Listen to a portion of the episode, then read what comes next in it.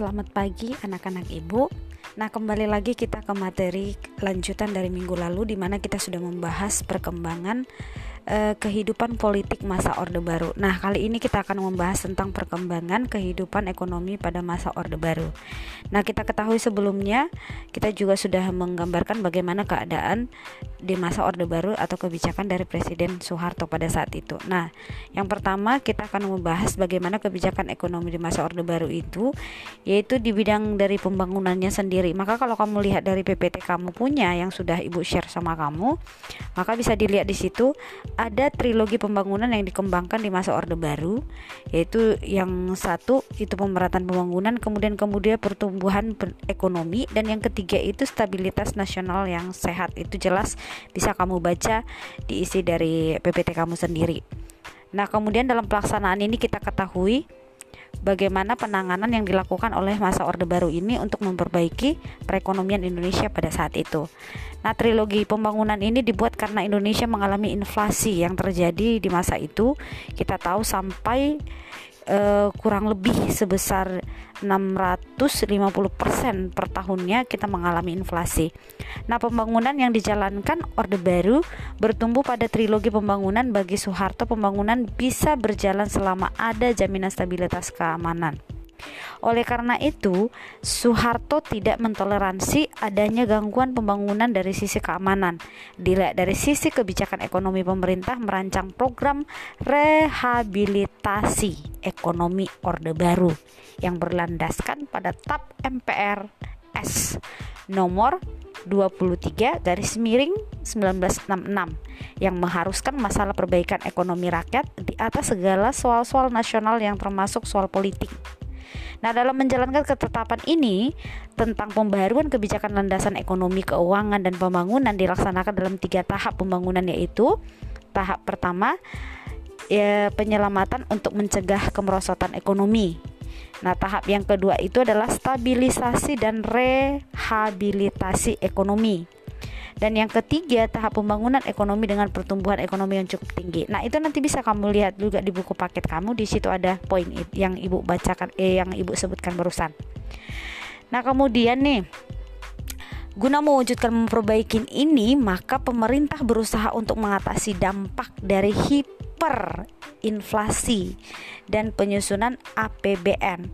Bersamaan dengan hal tersebut, pemerintah juga berusaha untuk segera mengurusi hutang luar negeri yang mencari utang lagi dengan bunga rendah agar bisa melakukan rehabilitasi dan juga untuk membangun ekonomi sampai periode berikutnya. Nah, kebijakan ini akhirnya menunjukkan keberhasilan dalam mengatasi hiperinflasi yang semulanya 650% pada tahun 1966 menjadi 8,88 persen per tahunnya 1971. Nanti lihat di PPT kamu di situ ada ibu buat gambarannya. Nah di Orde Baru ini menerapkan tiga langkah dalam pembangunan ekonomi. Nah, catat bagus-bagus ya, Nak. Nah, yang pertama itu adalah berusaha mengembalikan kepercayaan pihak luar negeri dengan menjadwal kembali pelunasan utang luar negeri. Nah, yang kedua itu pengendalian inflasi yang tidak terkontrol melalui program impor komoditas besar-besaran yang dibiayai oleh peminjam oleh pinjaman-pinjaman hasil negosiasi. Nah, kemudian yang ketiga, mengundang investor sebesar eh, sebesar besarnya, terutama investor asing untuk mendorong pertumbuhan ekonomi itu sendiri, nah ya. Nah, kemudian di sini selain menekankan pertumbuhan kepemimpinan Presiden Soeharto juga memperhatikan aspek pemerataan pembangunan. Kita tahu ada beberapa pembangunan, nanti kamu bisa cek di situ di PPT juga ada jelas karena mulai dari repelita pertama sampai repelita ke-6. Bisa nanti kamu baca. Kemudian di situ ada dikatakan bahwasanya e, di masa ini kita melakukan kerjasama dengan IMF dan Bank Dunia. Ini terkait dengan kerjasama di bidang keuangan ya nak. Dengan melibatkan para teknokrat dari Universitas Indonesia, Soeharto akhirnya memperoleh pinjaman dari negara-negara barat dari lembaga keuangan seperti IMF dan Bank Indonesia yang tadi ibu sebutin.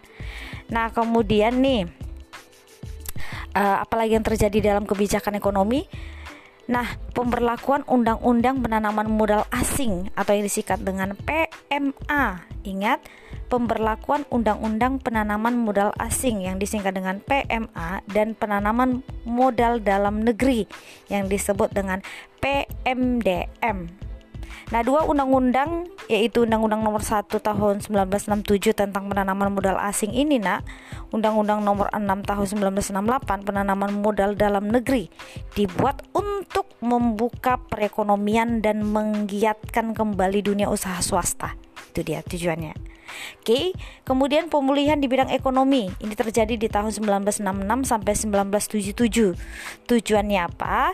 Yaitu dasar dari kebijakan Orde Baru adalah pembangunan ekonomi negara dengan bergabung kembali ke dalam jajaran ekonomi dunia yaitu menjadi anggota IMF yaitu kalau dipanjangin International Monetary Fund Nah, menjadi anggota PBB kembali dan anggota Bank Dunia pada kurun waktu akhir tahun 1960. Nah, ini merupakan langkah yang memulai untuk memperbaiki perekonomian dengan cara meminta eh, dengan cara meminjam ya, Nak ya minta bantuan juga itu namanya.